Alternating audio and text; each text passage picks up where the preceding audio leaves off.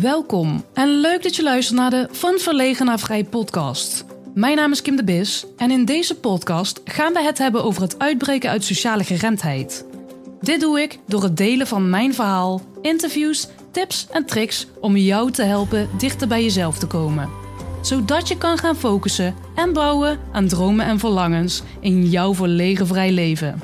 Ik wens je veel luisterplezier.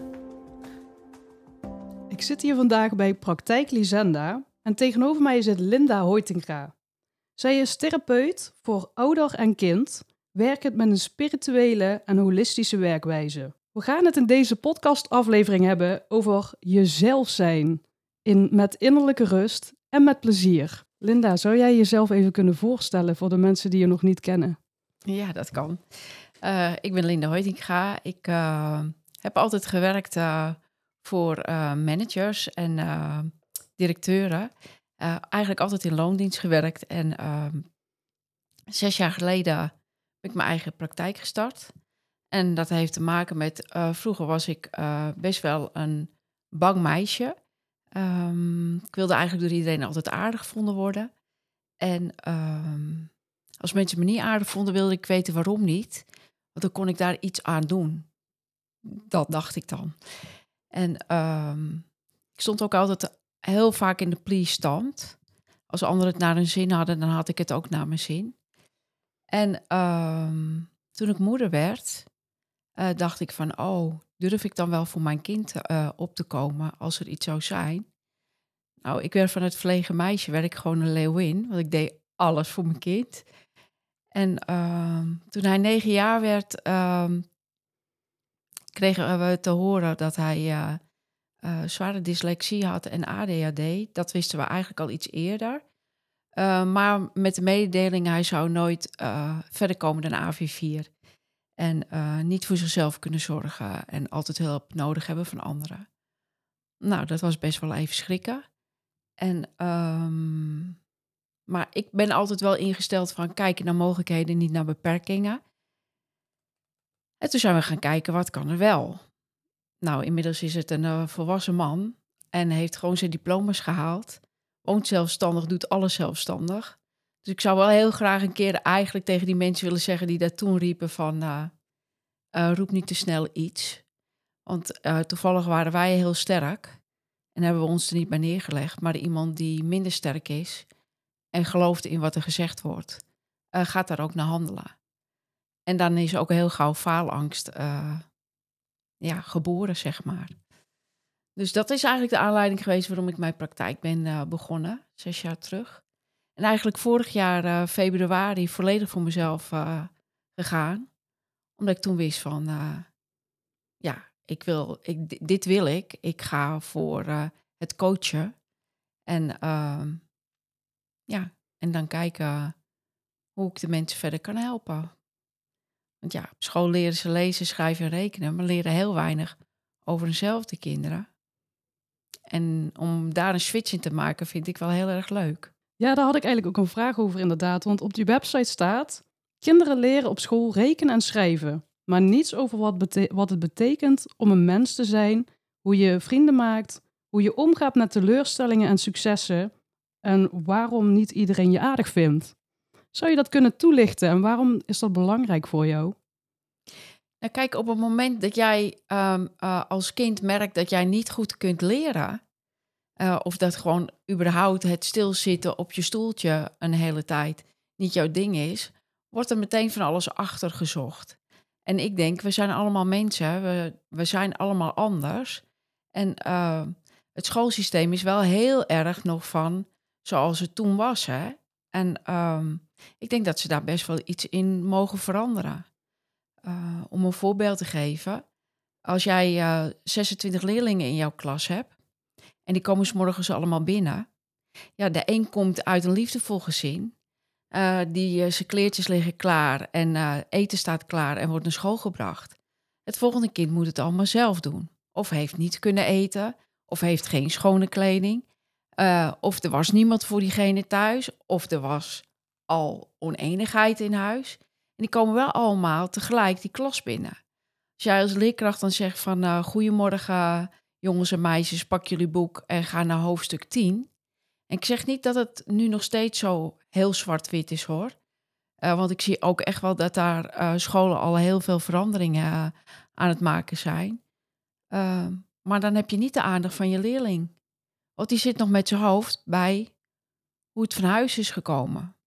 Dus als er daar iets meer aandacht voor zou zijn in de klas, door eerst eens eventjes rustig de klas in te kunnen komen en even ja, te mogen landen en weer een nieuw, nieuw start te maken, zeg maar. Uh, denk ik dat een leerkracht uh, daar zelf ook veel meer profijt van heeft. Ja, want wat zou dat opleveren? Nou, op het moment dat uh, kinderen eerst in de klas kunnen komen en even bijvoorbeeld op een ademhaling gaan letten. En waar ze vandaan komen, achter zich mogen laten en in het nu zijn. Um, zal er veel meer concentratie zijn. Zal ook ja, meer rust zijn in plaats van onrust in de klas, omdat die wil nog even aan die zitten, die wil nog even aan die zitten. Ehm, die maakt nog even nare opmerkingen aan de volgende.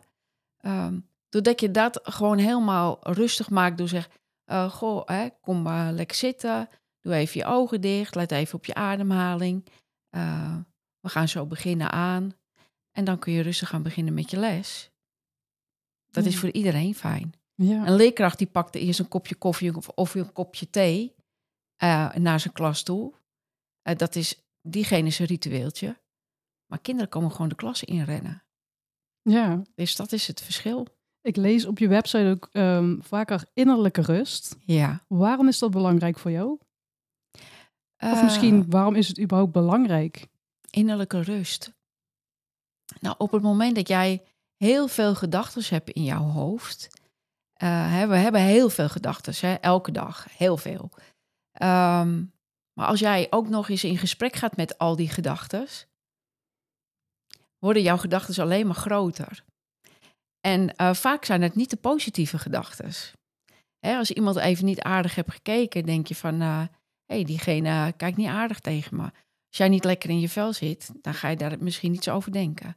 Oh, diegene kijkt niet aardig tegen me. Wat heb ik nu weer gedaan? En ze zal het straks wel weer tegen die zeggen. Of hij zal straks wel weer dat doen. En, dan, en zo maak je het verhaal elke keer groter en groter. En voor je het weet, heb je een heel scenario in je hoofd. En waar eigenlijk helemaal niets van waar is. Ja. Dat heb je zelf bedacht. Ja. Dus op het moment dat je je heel bewust wordt wat gedachten met je doen, uh, kun je ook het sneller stopzetten. Door even op je ademhaling te letten. Adem naar je buik. Doe je neus in naar je buik. Adem uit door je mond. En door die bewustwording krijg je innerlijke rust. Mooi. En is dat ook wat je doet? Of ja, wat is eigenlijk je doelgroep? En, en um, ja, hoe, ziet, hoe ziet dat eruit? Zo'n traject of um, zo'n coaching? Nou, de, uh, op dit moment uh, ben ik met heel veel verschillende dingen bezig. En die komen op mijn pad. Eerst uh, wilde ik alleen maar bezig zijn zeg maar, met pubers, uh, jongvolwassenen, ouders, om te helpen. Vandaar dat ik ook puberavonden geef. Nou, op zo'n puberavond bijvoorbeeld, dan uh, bepalen de puber zelf het onderwerp. Um, er zitten natuurlijk altijd wel uh, bepaalde onderwerpen die altijd terugkomen van hoe motiveer ik mezelf voor huiswerk? Of hoe maak ik straks uh, nieuwe vrienden op de middelbare school? Of als grapje zeg ik altijd: help mijn ouders zitten in de nee-fase. Want ja, als jouw kind naar de middelbare school gaat, gaat het ook andere dingen ontdekken. Dus je gaat ook andere dingen aan jou vragen. En dan is het niet meer je zoontje of je dochtertje. Het is je zoon, het is je dochter. En uh, ja, het vraagt van ouders ook wat. Dus om die puur mee te nemen in wat het voor ouders betekent. En gelijkertijd ook voor hunzelf. Uh, zijn ze eigenlijk altijd wel meteen aan. Er komen eigenlijk altijd hele mooie gesprekken op gang uh, tijdens die lessen. Dus dat is één ding wat ik doe. Ik ehm, geef ook lessen op school.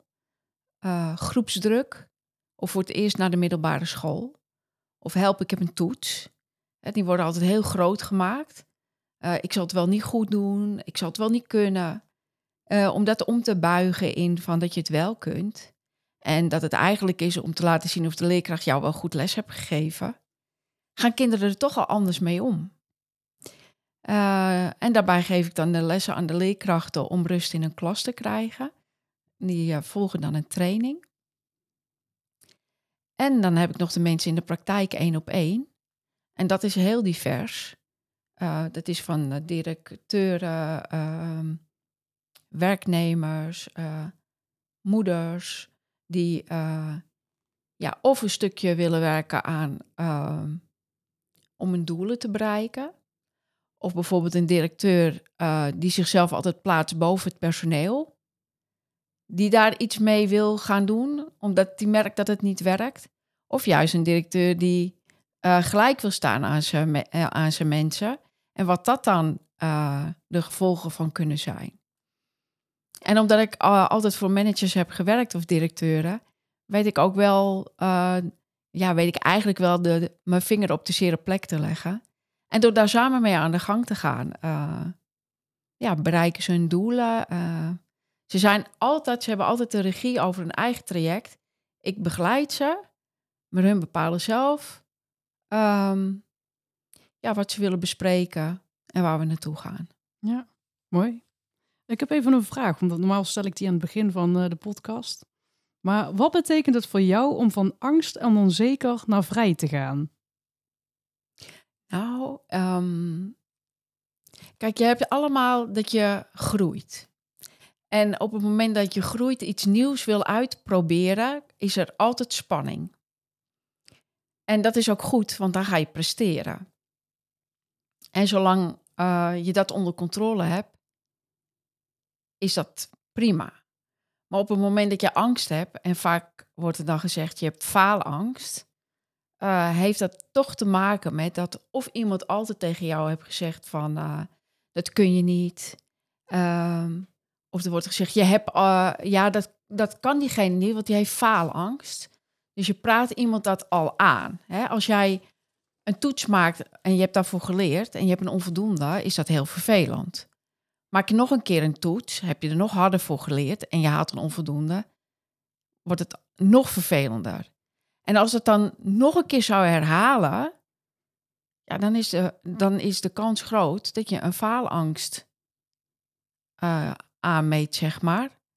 Jezelf dat ook die stempel gaat geven. Terwijl er ook gekeken kan worden. Wat doe je altijd? En misschien moet je iets anders doen om uit die angst te komen. En dan die vrijheid op het moment dat jij gaat ervaren van, oh, uh, ik heb het geoefend, ik heb het gedaan, ik hoef er niet bang voor te zijn. Dus het elke keer aangaan met jezelf, dat gaat je vrijheid opleveren. Want dan voel je echt de ruimte van, ah, ik kan het wel. En dan komt die euforie van, zie je wel. Heb je hier zelf ook ervaring mee? Je hebt natuurlijk net al dat verhaal ook verteld. Dus in principe heb je daarin ook al met je zoon. Ja, ook al... nou, dat was echt zo. Uh, van, uh, um, altijd maar aardig gevonden willen worden. En toen uh, mijn zoon geboren werd, dat ik dacht van, oh, durf ik wel voor mijn kind op te komen als er iets is? Ja, tot die leeuwin, zeg maar. Dat ik dacht van, ja, dat gaat, dat gaat mij niet gebeuren. Dat is uh, voor mij en dat bescherm ik met alles wat ik heb. En uh, als je dat nooit hebt gedaan, dan is het uh, altijd even in de overdrevende trap, zeg maar omdat je niet het balans weet te vinden. Maar op een gegeven moment als je merkt van, ah, ik durf het wel, kan het wel, dan komt de balans. En dat is eigenlijk met alles, hè. Ja, en toen, toen je zoontje zes was, toen werd hij dus uh, geconstateerd met ADHD en met uh, dyslexie. Ja.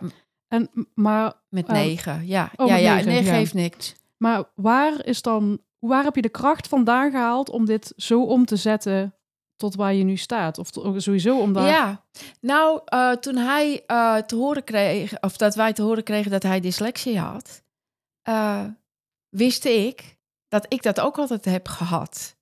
En dat bestond vroeger niet.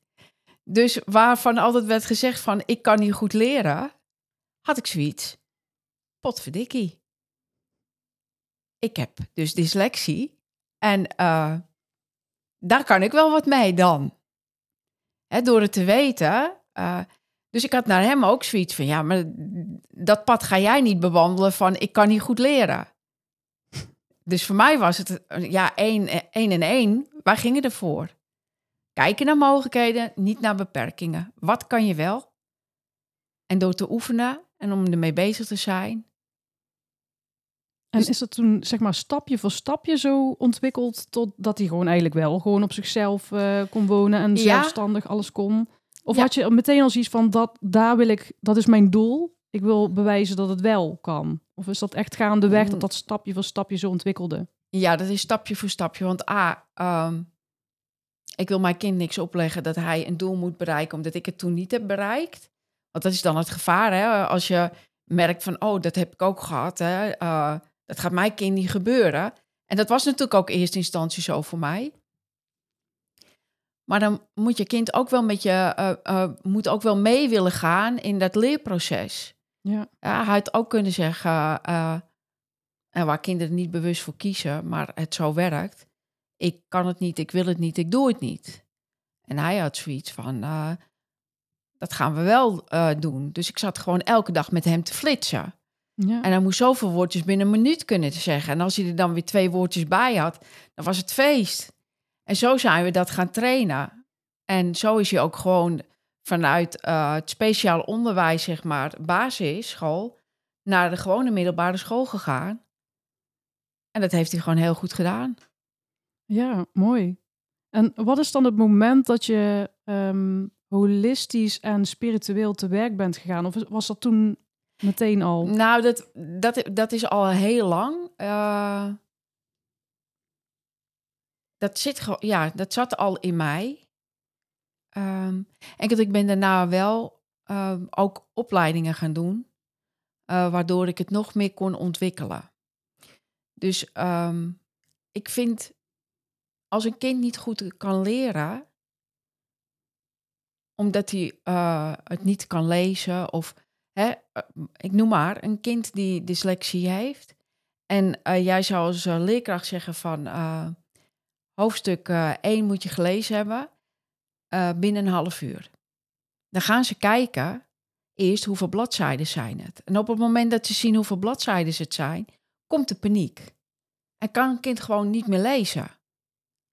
Want dat ga ik nooit redden in een half uur. Dat kunnen ze niet inschatten. Dus dat is paniek. En um, ik denk dat je op heel veel andere manieren kinderen ook in beweging kunt krijgen. En dan eigenlijk hetzelfde kan bereiken. Dus ik ben altijd aan het kijken van hoe kun je het nou wel doen waardoor een kind zich ook gewoon prettig voelt. En dat geldt ook voor ons uh, uh, grote mensen, maar zo te zeggen als jij kunt doen um, wat jij fijn vindt, in plaats van dat er altijd gezegd wordt, oh, je moet een goed diploma hebben, dan krijg je een goede baan en dan, uh, dan kun je je rekeningen betalen. Of wat voor ideeën ouders ook allemaal hebben. We willen allemaal het beste voor ons kind. Maar vaak is het beste voor het kind als het ook kan zijn zoals die persoon is. Ja, vanuit liefde dus eigenlijk. Ja, in plaats van uit angst. Ja. Dus uh, hoe harder jij uh, tegen je kind ingaat, omdat die, hij, zij niet in beweging komt op een manier zoals jij het zou willen, bereik je eigenlijk het tegendeel. Ja. Wat wil en kan het wel? Ja, als hier een jongen, uh, een, dat is al een paar jaar geleden, een jongetje binnenkomt. Um, ik heb ADHD en ik kan er niks aan doen, ik kan niet rustig zitten. Zo.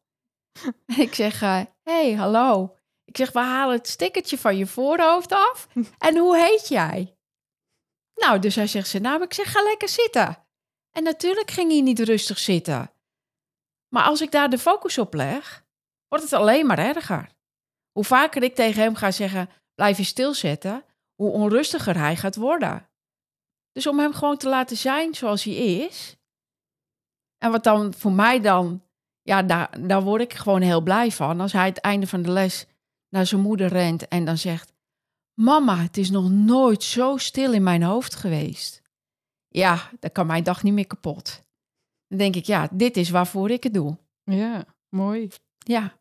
En um, ja, je struggelde zelf vroeger ook met uh, ja, die innerlijke rust en ehm, met eh, ja, het pleasen. Ja. Waar is dat omgeswitcht? Nou, dat is echt omgeswitcht toen ik mijn zoon kreeg. Oké. Ja, toen dacht ik van, dit ga ik niet meer doen. Ik ga voor mezelf opkomen.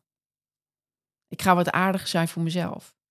Maar dat is best wel een hele lange weg, want Ja, want hoe want lief zijn voor jezelf? Ja, dat is, dat is ook heel lastig. Hè? Dat, dat gaat met stapjes. Je, eh, ik zeg altijd, je loopt in een cirkeltje. En eh, zeg maar op het hoogste punt dat het niet goed met je gaat. Je denkt, ik wil het anders. Dan ga je anders bewegen en dan ga je weer rustig je stappen maken. En voor je het weet ben je weer bovenaan de cirkel en bent weer op hetzelfde pad. En eh, wanneer eh, wijk je eens af van het pad? Als je altijd hetzelfde doet, krijg je ook hetzelfde. En eh, dat is gewoon leren. Het is leren met vallen en opstaan. En dat geldt, dat geldt voor iedereen en iedereen op zijn manier. En ja, hoe, hoe kom je ook tot jezelf? Ja, dat is een goede vraag. Hoe kom je tot jezelf? Ik kan je niet. Ja, want kijk, als je bijvoorbeeld naar de, inderdaad naar de pleaser gaat kijken, vertel je net ehm, hè, dat je dan heel erg inderdaad afhankelijk wordt van wat anderen, dat, dat je daar ook echt naar, naartoe gaat. Ik weet even hoe ik het moet verwoorden. Ehm, dus uiteindelijk is het, moet je dan op zoek gaan naar wat, wat wil je zelf Ja, en daar innerlijke rust in vinden. ja. Maar, maar hoe doe je dat dan? Wat, zijn, wat zou dan, wat zou bijvoorbeeld een eerste stap kunnen zijn? Nou, kijk, er, waarschijnlijk gebeurt er iets in je leven dat je op een gegeven moment denkt: nu ben ik er echt klaar mee. Ik vind dit gewoon niet meer leuk. Nu sta ik weer op dat punt en ik ben weer, eh, ja, ik zit weer in een dip. Ik eh, ben weer, eh, eh, ja, moet ik zeggen, depressief. Ik wil dat niet meer. En ehm, dan ga je toch zoeken, maar wat wil ik dan wel? En dat zou mooi zijn als je dat al op school zou leren. dat stukje. ehm, voel eens bij jezelf. En dan zeggen mensen, oh, wat zweverig. En, maar het is, het is letterlijk zo. Als een klein kind eh, zegt van, eh, er zit een monster onder mijn bed. Roepen wij volwassenen allemaal. Dat kan niet, bestaat niet. Maar je kunt ook tegen je kind zeggen, oh, vind je dat vervelend? Kom, dan pakken we even de bezem, dan vegen we hem onder je bed vandaan. En dat is al een bevestiging voor een kind. Eh, Er wordt naar me geluisterd. Maar als een kind iets ervaart en jij roept als ouder al meteen van dat bestaat niet, dan denkt het kind, hoe kan dat nou? Ik zeg, er zit een monster onder mijn bed. En mijn vader of moeder zegt, dat bestaat niet. Maar het is er wel. Dus het, is, het wordt meteen allemaal hè, afgekapt. Het is heel verwarrend. Maar uiteindelijk eh, accepteren we het wel als kind. En dat is het stukje dat we al leren om niet meer te voelen. Ja. En daardoor dus ook moeilijk bij jezelf komt. En daardoor weer, teru- eh, weer teruggaan naar jezelf, dat dat heel lastig is. Ja. Want uiteindelijk zitten alle antwoorden in jezelf. En ik het ja, kijk, eh, hey, ik heb vorige week een stiltedag gedaan. En als ik dat tegen iemand zeg die, die daar helemaal niks mee kan of heeft, die denkt van, hoezo de hele dag stil? Heb je dan de hele dag je mond dicht? Ja. En eet je dan ook in stilte? Ja. En wat bereik je ermee? Nou, dat ik eens eventjes mag voelen hoe het met mezelf is. In plaats van altijd maar aanstaan naar buiten. Kijk eens naar binnen. Waar- wa- waarom is het belangrijk om tot jezelf te komen? Ja, klinkt vaag, hè? Tot jezelf komen. Nou ja, ik kan me voorstellen dat eh, voor luisteraars dat het ook lastig kan zijn van ja, Ja, wat, ja wat, wat is dat dan tot jezelf komen? En ja, nou, wanneer, ehm, wanneer jij je ogen dicht doet, krijg je de prikkels niet van buiten. Dus kun je echt, ja, ik noem het dan naar binnen, meer van binnen voelen, hoe is het nu met mij? En hoe bewuster jij daarmee omgaat, en daarom zou ik het zo fijn vinden als zulke lessen op school geleerd worden. Want het maakt niet uit of je technisch iemand bent of een eh, praktisch iemand. Uiteindelijk hebben we allemaal eh, bepaalde struggles en de een wat meer dan de ander, omdat we niet weten wat voelen is. Voelen, hoe is het met mij? Als we verkouden zijn, nou ja, dan eh, zijn we verkouden, pakken hè, hoofdpijn, paracetamol en klaar. En er zijn ook mensen die lopen al heel lang door, hebben heel veel signalen van hun lichaam gekregen, maar niet geleerd om daarnaar te luisteren. En dan vallen ze uit met een burn-out. Goh, hoe kan dat? Ja, hoeveel signalen moet jouw lichaam jou geven dat jij even pas op de plaats moet nemen? Het zijn heel, dat zijn niet heel veel mensen. Want je duwt gewoon een paracetamolletje erin en je gaat weer door. En dat ben ik ook geleerd. Maar uiteindelijk, je lichaam, het is eigenlijk zo'n mooi mechanisme. Die geeft eigenlijk aan jou aan van, hé, uh, hey, uh, je hebt het te druk gehad, je moet even rustig aandoen. Jij luistert niet, ga door. Dan krijg je hoofdpijn of maakt niet uit, voor ieder is het wat anders. En als je dan nog niet luistert, dan uh, gebeurt er iets dat je uh, een arm breekt of een been. En dan kan je in ene niet meer je ding doen die je altijd deed. Dus word je stilgezet. Ja, en als je het op die manier bekijkt, dan mag je weer luisteren bij jezelf. Dus als je dat, ja, als je dat gaat snappen, kun je veel sneller weer tot jezelf komen. Oh ja, even een pas op de plaats. Hoe is het nu met mij? Wat heb ik nu nodig? In plaats van ik sta aan, want ik moet nog voor die zorgen en ik moet nog voor die zorgen. Je kunt pas voor iedereen zorgen als je goed voor jezelf zorgt. Ja. Hè? Je zegt tegen een vriendin van, ah, doe een beetje rustig aan, je hebt ook veel te druk gehad. En tegen onszelf roepen we maar, en je moet door en je moet door. Hoe lief ben je voor jezelf? Zeven dagen in de week, 24 uur per dag met jezelf. Je moet je eigen beste vriendin, vriend zijn. Ja, dat is wel grappig, want dat zeg ik ook wel eens. Als je nou tegen jezelf zo zou doen als tegen de mensen om je heen. Nee, andersom, als je zo zou doen tegen de mensen om je heen, zoals je tegen jezelf doet, dan hou je niemand meer over. Want ja, zo lief zijn we vaak niet voor onszelf. Nee. Nee. En eigenlijk is het heel gek. Ja, en dus inderdaad, op school uh, leren we daar ook niks over. Wat zou dat opleveren als we daar wel meer over zouden leren op school om nou ja, dichter tot jezelf te komen, om wel die rust te... Want we leven natuurlijk ook in een hele hectische maatschappij waarin Zeker. je bijna moet, moet doordenderen, lijkt het wel. Ja, maar, de, maar stel je voor dat jij nou een persoon bent die niet door kan denderen. Hoe heftig is dan de wereld voor jou? Vallen gewoon heel veel mensen uit. Omdat ze niet kunnen doen, voldoen aan het verwachtingsbeeld van de maatschappij. En dus, dus is er iets met jou. Oh, ik kan dat niet. Dus ik, ik, ja, ik denk echt, als ze op school daar meer over zouden leren, dat er ook veel minder problemen zijn. En natuurlijk, echt waar, uh, ik uh, ben echt niet uh, zoals, hè, ik ben echt geen heilige Marie dat ik ervan overtuigd ben dat er alles opgelost is. Want het is niet zo. Maar ehm, ik denk wel dat, je, dat er als daar meer aandacht aan gegeven wordt, dat er echt veel meer rust is en ook veel meer begrip voor elkaar. Ja, en ik denk, ja, ik denk ook een beetje dat dat wel de basis is van het leven. Als je dat al niet voor jezelf kan, dan, ja. dan kom je jezelf een keer tegen. Nou, ik vond het wel grappig. Kijk, uh, als je geboren wordt, en ik weet niet of dat nog steeds zo is, maar dan krijg je een cijfer.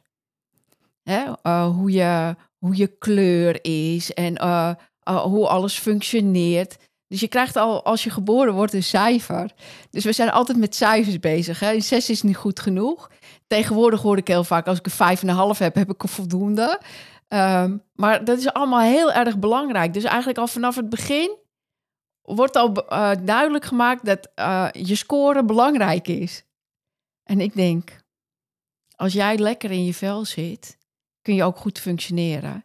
En doe je het misschien niet helemaal op de weg zoals het nu voor iedereen vaststaat, zoals het, het leerproces op school. Maar ik denk wel dat je heel ver kunt komen. Ja, mooi. En um, Linda, wat, wat drijft jou? Nou, ik merk gewoon dat als ik het erover heb, dat ik gewoon aanga. Ik uh, zie het. Ja, dat ik het gewoon heel fijn vind. Um, als ik mensen dit zou kunnen vertellen en ze mee kan nemen, waardoor ze zelf ook gaan zien dat ze eigenlijk het zelf in de hand hebben om die rust te krijgen in hunzelf. En over hun angsten heen kunnen stappen. En op het moment dat mensen dat echt voelen, dat je je ook echt vrij voelt. Mooi. Ja. Is dat ook een beetje jouw missie? Of hoe zou je jouw missie omschrijven? Nou, ik zeg, als ik al maar één school zou hebben die helemaal om is daarin, dan ben ik al heel blij. Echt heel blij. Ehm, gewoon, ik, ja. Wat is je missie? Ja, dat klinkt natuurlijk heel groot. Ja, dat en- klinkt alsof eh, ik het dan allemaal wel zou veranderen. En Nee, dat is het dat- natuurlijk ja. absoluut niet. Ik bedoel ik- echt, echt gewoon op jouw manier, voor hoe, ver voor jou kan. Dat je voor jou ja, op een bepaalde manier waarde levert in het grotere geheel. Nou, ik vind het fijn als ik eh, mensen kan helpen en dat hun de rust weer kunnen vinden in zichzelf. Dus mensen die echt vastgelopen zijn en dan dat ik die kan helpen. En het is echt, ik zeg altijd, de eerste stap is al als ze mij bellen, dat ik zeg van, oh wat goed dat je al, je hebt al een eerste stap gezet. Want dat is al spannend om te gaan bellen. En eh, als we er eenmaal hier zijn, ja, dan loopt dat wel. En natuurlijk gaat het met ups en downs. Eh, maar ik ben wel altijd heel blij als mensen de deur uitgaan en heel tevreden zijn en een doel hebben behaald. En weten hoe ze er anders mee om zouden kunnen gaan. En hoe snel gaat zoiets? Want iemand komt natuurlijk hier met een bepaald doel, of wil ergens overheen, of wil in ieder geval ergens mee geholpen worden. Ja, Hoe snel gaat zoiets? ja dat ligt. er- Kijk, ik, ja, dit, ik zeg altijd: ik werk het liefst met bruistabletjes in plaats met zuigtabletjes. En dat klinkt natuurlijk misschien heel raar voor anderen, maar op het moment dat iemand echt wil, dan bruist hij daarvan van de energie om daar ook verandering in te brengen. En dan eh, komen we een heel eind. Ik zeg, een traject is eh, eh, tien keer, zeg maar. En ehm, dus ja, bij de een gaat het wat sneller dan bij de ander. Het ligt er ook aan waar het over gaat. Hè. Het kan ook over traumaverwerking gaan, maar dat is iets anders dan als we werken aan, aan je doelen. Dus hoe zwaar is het onderwerp waar we mee aan de slag gaan? Wat, wat, wat maakt dat jouw strategie of jouw werkwijze werkt? Nou, ik ben eigenlijk. ik doe eigenlijk alles ook wel met een grapje. Ja, of grapje uitbeelden. Eh, het eh, heel explosief uitbeelden als iemand hè, niet aan wil gaan met hoe hij of zij zich gedraagt. Dus met voorbeelden. Ik eh, kan heel confronterend zijn. Ehm, maar ik zeg wel altijd, ik doe het wel op een liefdevolle manier. Kijk, als iemand bij mij is voor een traumaverwerking, eh, ga ik iemand niet confronteren. In die zin. Maar ik blijf wel altijd duidelijk. Eh, en waar ik het verschil in maak, ik denk eh, ook, nou wat ik toen straks zei, het is niet zo, je afspraken heb je pas over twee, drie weken en dan zie ik je wel weer. Eh, ik blijf betrokken totdat we klaar zijn. Ja. En dat vind ik heel belangrijk. Dus ze kunnen altijd contact met mij opnemen. Ja. En in de praktijk gebeurt dat heel weinig. Maar als het nodig is, vind ik het niet erg als iemand tussentijds contact met mij opneemt. Ik vind het belangrijk dat diegene zijn- proces doorgaat. Mhm. En ehm, wat zijn nou de ingrediënten volgens jou om, ehm, om jezelf te kunnen zijn met innerlijke rust? Nou, je bewust worden. Dat, jij, dat je zelf de regie hebt. Mensen leggen heel vaak, eh, zeggen heel vaak ja, maar het komt doordat die altijd zo tegen mij doet. Of dat komt omdat ik. eh, en je kunt allerlei negatieve dingen opnoemen. Ehm, maar uiteindelijk ben jij degene die het kan veranderen. Het is hoe jij reageert, het is hoe jij doet. En zolang jij elke keer maar roept dat het aan een ander ligt, kijk je niet naar je eigen proces. Dus uit die, uit die slachtofferrol stappen, zonder dat je steeds met Ja. de vinger blijft wijzen. En slachtofferrollen, hè, eh, het ligt eraan eh, op welk vlak. En je kunt best slachtoffer zijn van bepaalde dingen. Maar dan nog is het, pak jij de regie of blijf je die slachtoffer? Dus uh, als iemand bij mij komt van ja, ik heb een slechte jeugd gehad, dat kan. Maar dat wil niet zeggen dat jij je daarachter kan schuilen om dan te zijn wie jij bent. Als jij daar niet fijn mee voelt, heb jij een keus om daarin te veranderen. Ja. En ga je dat doen of niet? Ja. Wie is voor jou inspirerend? Of, of het kan ook eh, wat zijn. Het kan ook een boek zijn. Het kan een persoon zijn. Nou, ik, uh, ik volg wel al heel lang Michael Pilacci. Ik ga straks ook uh, die drie dagen in Den Bosch ga ik, naartoe. Daar heb ik wel heel veel van geleerd. Ook van zijn boeken. En eigenlijk ben je nooit uitgelezen, want als ik het uit heb, ik, ik heb sommige boeken wel vier, vijf keer gelezen, verslag van gemaakt. En welk boek uh, vind je? Master, Master Your Mindset is daar een van. En um, wat, elk... wat, vind je daar het meest? Zou je kunnen, kort kunnen samenvatten wat, wat je daar het meest aan inspireert? Nou, niet zozeer het meest inspireert. Het is meer dat je anders gaat kijken. En een van de dingen die ik ook nu bij mij in de praktijk gebruik. Uh, als je zeven personen hebt waar je altijd mee omgaat en je geeft al die mensen een cijfer. En je telt die, die, die zeven getallen bij elkaar op. Dat deel je door die zeven. Dat is het gemiddelde van jou. En is dat het cijfer wat jij wil zijn? En het is best confronterend. Uh, als je er dan, uh, uh, ik, ik noem maar wat, als daar een zes uit zou komen, of misschien nog wel minder, en dat je denkt van ja, maar is dit wel wat ik wil? Hey, met bepaalde mensen ben je meegegroeid. Maar zijn dat dan nog wel de mensen die op jouw pad, hè, jou, waar jij het meeste mee om moet blijven gaan om te gaan bereiken wat jij wil bereiken? Ik wil niet zeggen dat je geen contact meer met ze moet hebben. Maar het heeft wel mee te maken, laat, je, laat jij je door die uh, mensen uh, voeden. Ja. Dat. Maar ook gewoon je eigen regie pakken. Hoe die dat zegt, leef je mooiste leven. En dan denk ik, ja, dat is ook zo. Uh, we zijn hier op de wereld en het eerste wat we horen is dat we moeten leren, leren, leren, leren.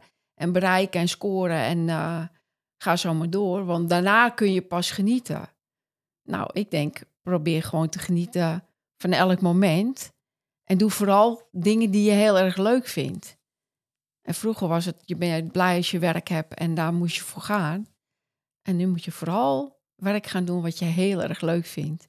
Wat je energie geeft en uh, ja, dat. En wat is helemaal jouw ding? Wat is waar, helemaal... Waar ga je helemaal van aan? Waar krijg je energie van? Oh, dit zijn verschillende dingen. Waar ik helemaal vragen. Ja, ik hou van gek doen.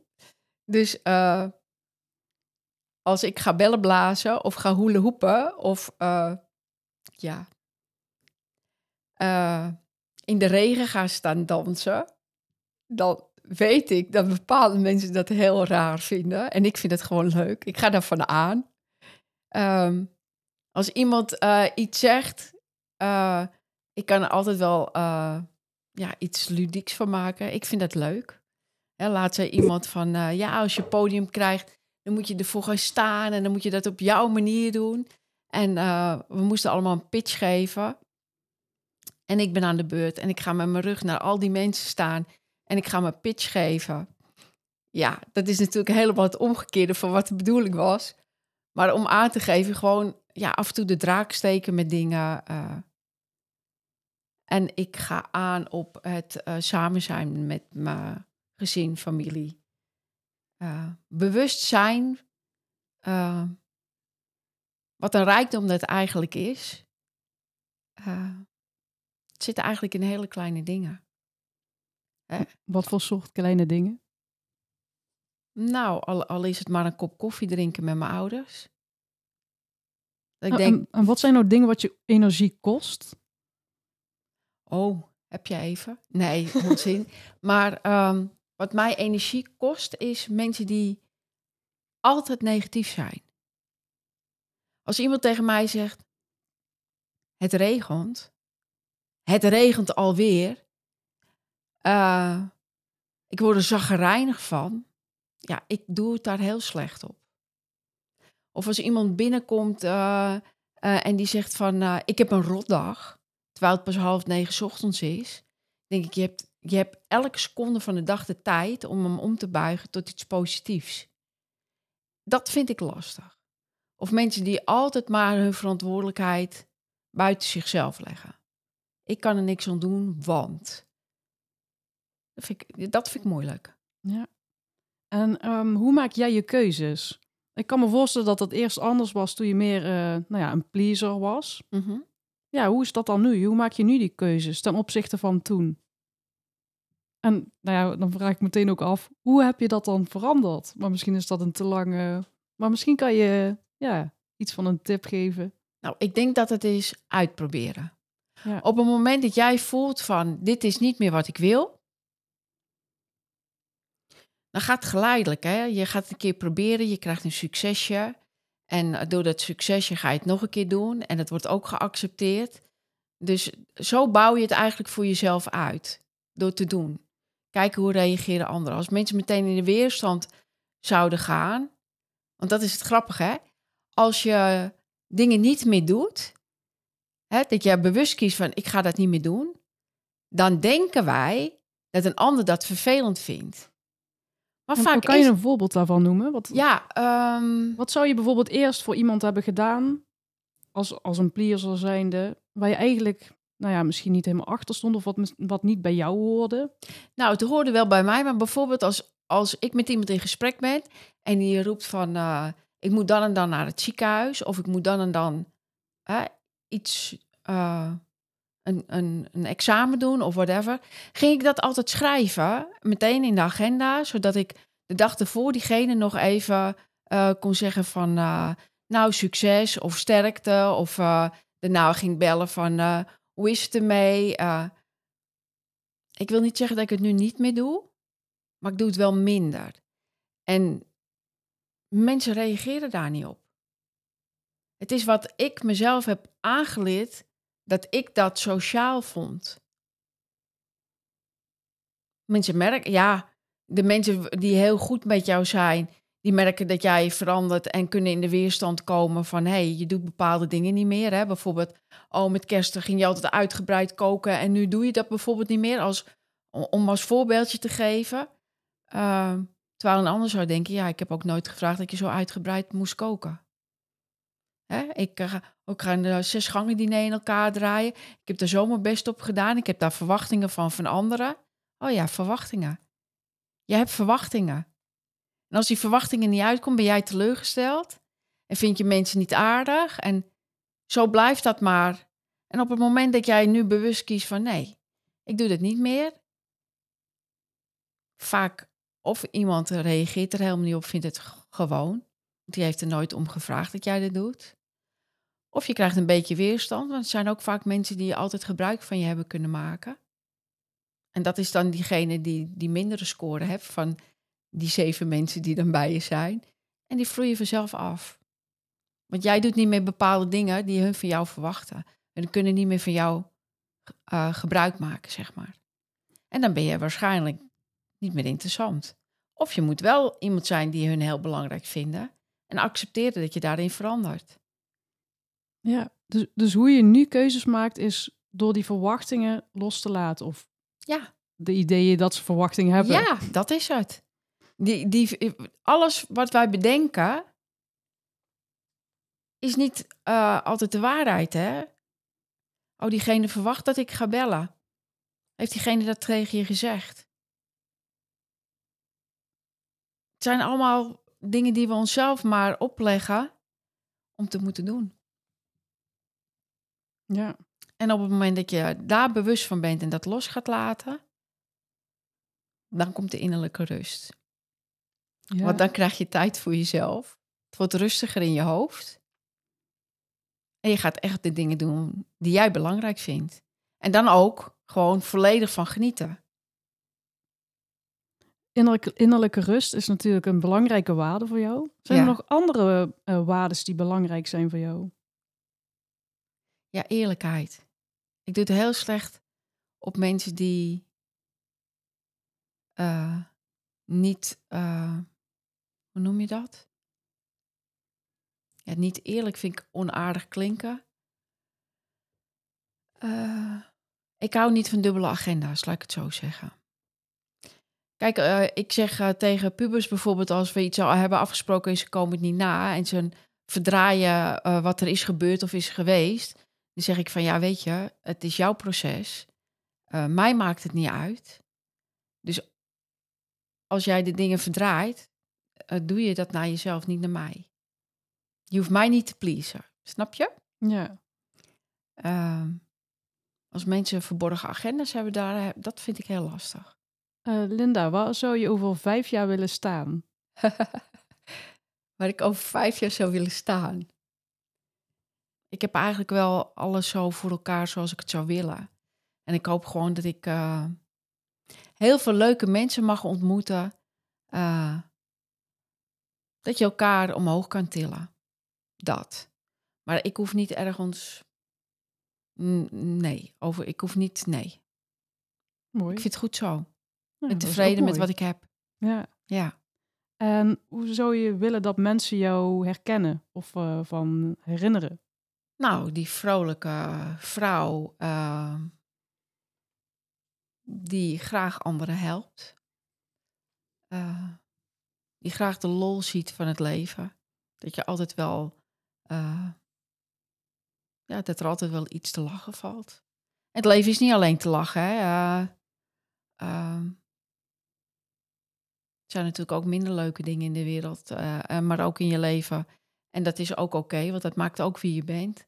Maar ik hoop wel dat de mensen mij herinneren als een eerlijke warme vrouw. Ja, dat. Mooi. En ben ik nou ook wel benieuwd, spiritualiteit, Ja. wat betekent dat voor jou? Oh ja. Nou, ik moet in ieder geval altijd lachen als mensen zeggen: Oh ja, dat is heel zweverig. Daarom vraag ik het Ja, ook. of eh, staat je bezem voor de deur en eh, ik ga dan de spotten mee aan. Wat, eh, ja, ik moet daar zo om lachen. Mensen vinden spiritualiteit al als je zegt dat je gaat luisteren naar jezelf. En ik denk, dat is de eerste basisbehoefte die we hebben. Want op het moment dat je naar jezelf luistert, weet je ook welke kant je op wil. Dus ja, als dat spiritualiteit is, ja, dat, dat vind ik dus wel wat van. En ehm, je kunt de spiritualiteit op een heleboel verschillende dingen eh, Ja, daarom. hè, ehm, eh, dat mensen denken van, oh, ik ben helemaal afgehaakt. Ik denk dat ik eh, een nuchter, eh, nuchter bezig ben met spiritualiteit. Eh, meer eh, die innerlijke rust, waar we het straks over hebben gehad. En ehm, ja, dat mensen daar meer naar mogen kijken. Nou, als Ja. dat spiritualiteit is. Ik denk als je het een beetje luchtig wil houden, dat dat het is. Ja. Kijk, iedereen maakt op zijn manier dingen mee in zijn leven. En op het moment dat er pas vervelende dingen gaan gebeuren, eh, gaan mensen nadenken over eh, hoe ze daarmee om willen gaan, hoe ze het anders zouden willen. En dat is voor iedereen gewoon heel anders. Dus heb je een technisch iemand, die moet er allemaal niks van weten, want die bekijkt alles heel technisch. Maar op het moment dat iemand echt uitvalt, wordt hij eigenlijk toch gedwongen om te gaan kijken, wat heb ik nou nodig? En dan kun je blijven schoppen dat je dat niet zou willen, maar uiteindelijk zul je iets moeten. En op het moment dat je daarvan bewust bent, en dus wel naar jezelf gaat luisteren, dan komt die innerlijke rust. Mooi, maar het is wel een proces. Nou, eh, maar daarom zou het zo mooi zijn als er iets op school over gedaan werd, want dan is het geen lang proces. Want dan wordt het je geleerd vanaf het begin. En eh, Hoe zou de wereld er dan uitzien? Nou, ik denk gewoon dat mensen wat meer eh, bewust zijn van zichzelf. Bewustere keuzes kunnen maken. En Hoe zou je, stel, ehm, nou ja, je hebt bepaalde angst of onzekerheden. Mhm. Hoe kan je dan, heb je daar tips voor? Hoe zou je daar dan toch die innerlijke rust bij kunnen vinden? Eh, nou, ik zou sowieso zeggen van eh, als je angsten bespreekbaar maakt, ehm, is het niet meer alleen jouw angst. dan kun je het erover hebben. Ehm, angst is vaak iets wat je jezelf hebt uh, vastgezet in, in, je hoofd. Uh, en je overtuigingen, zeg maar. Dus als je daarmee aan de slag... Ja, ik zou er gewoon mee aan de slag gaan. Ga, vraag iemand. Kijk eens bewust naar van... Wat is nu het, het werkelijk wat er aan de hand is? Net wat ik toen straks zei. Hoe groter jij het verhaal in je hoofd maakt... Je hebt al allerlei dialogen gehad met hoe een gesprek gegaan zou kunnen zijn. En vervolgens heb je het in je hoofd gemaakt dat het al de waarheid is, terwijl je die persoon nog niet gesproken hebt. Dus probeer je daar al bewust van te worden en ga daar eens mee aan de slag. Ga eens. Er is genoeg te koekelen, te kijken om daar iets mee te kunnen. Als dat echt bewust is waar je wat aan wil doen. Blijf er zeker niet mee zitten. Nee. En Linda, heb je ook um, nagedacht over een weggever? Zou je iets weg willen geven? Ja, ja ik wil wat weggeven. Jij bedoelt of ik iets voor uh, de luisteraar kan betekenen. Nou, ik wil voor de eerste drie uh, mensen die zich aanmelden via de website... Uh, wil ik een één op één doen, een half uur. Ik zal ze van tevoren dan wat vragen toesturen zodat we ook meteen uh, dat half uur uh, nuttig kunnen benuttigen. En uh, ja, dat wil ik wel doen. Ja, mooi. Ja. En ten slotte, waar kunnen mensen meer over jou vinden? Oh, ze kunnen mij vinden. Ik heb mijn eigen website www.lisenda.nl. Ik ben op Facebook ben ik actief en op Insta en op LinkedIn. Oké. Linda, ik wil jou uh, heel erg bedanken voor dit uh, inspirerende gesprek. Graag gedaan. En uh, dat we samen voor een wereld mogen gaan waarin mensen meer innerlijke rust ervaren. Ja, zeker. Dankjewel. Alsjeblieft. Superleuk dat je luisterde naar de Van Verlegen naar Vrij podcast. Ik hoop dat je ervan hebt genoten en dat je er iets mee kan. Vond je dit nou interessant? Abonneer je dan op deze podcast en laat een review achter in de podcast-app waarmee je deze podcast luistert. Ook kan je mij helpen het bereik te vergroten door de podcastlink te delen met je vrienden en bekenden via je socials. Ik vind het erg leuk om berichten te ontvangen van luisteraars om te horen wat je van de podcast vindt. Mocht je nou vragen, suggesties of inzichten hebben gekregen door de podcast, stuur dan een bericht via Facebook of Instagram. Je kan me vinden op mijn naam, Kim de Bis. Bedankt voor het luisteren en tot de volgende keer.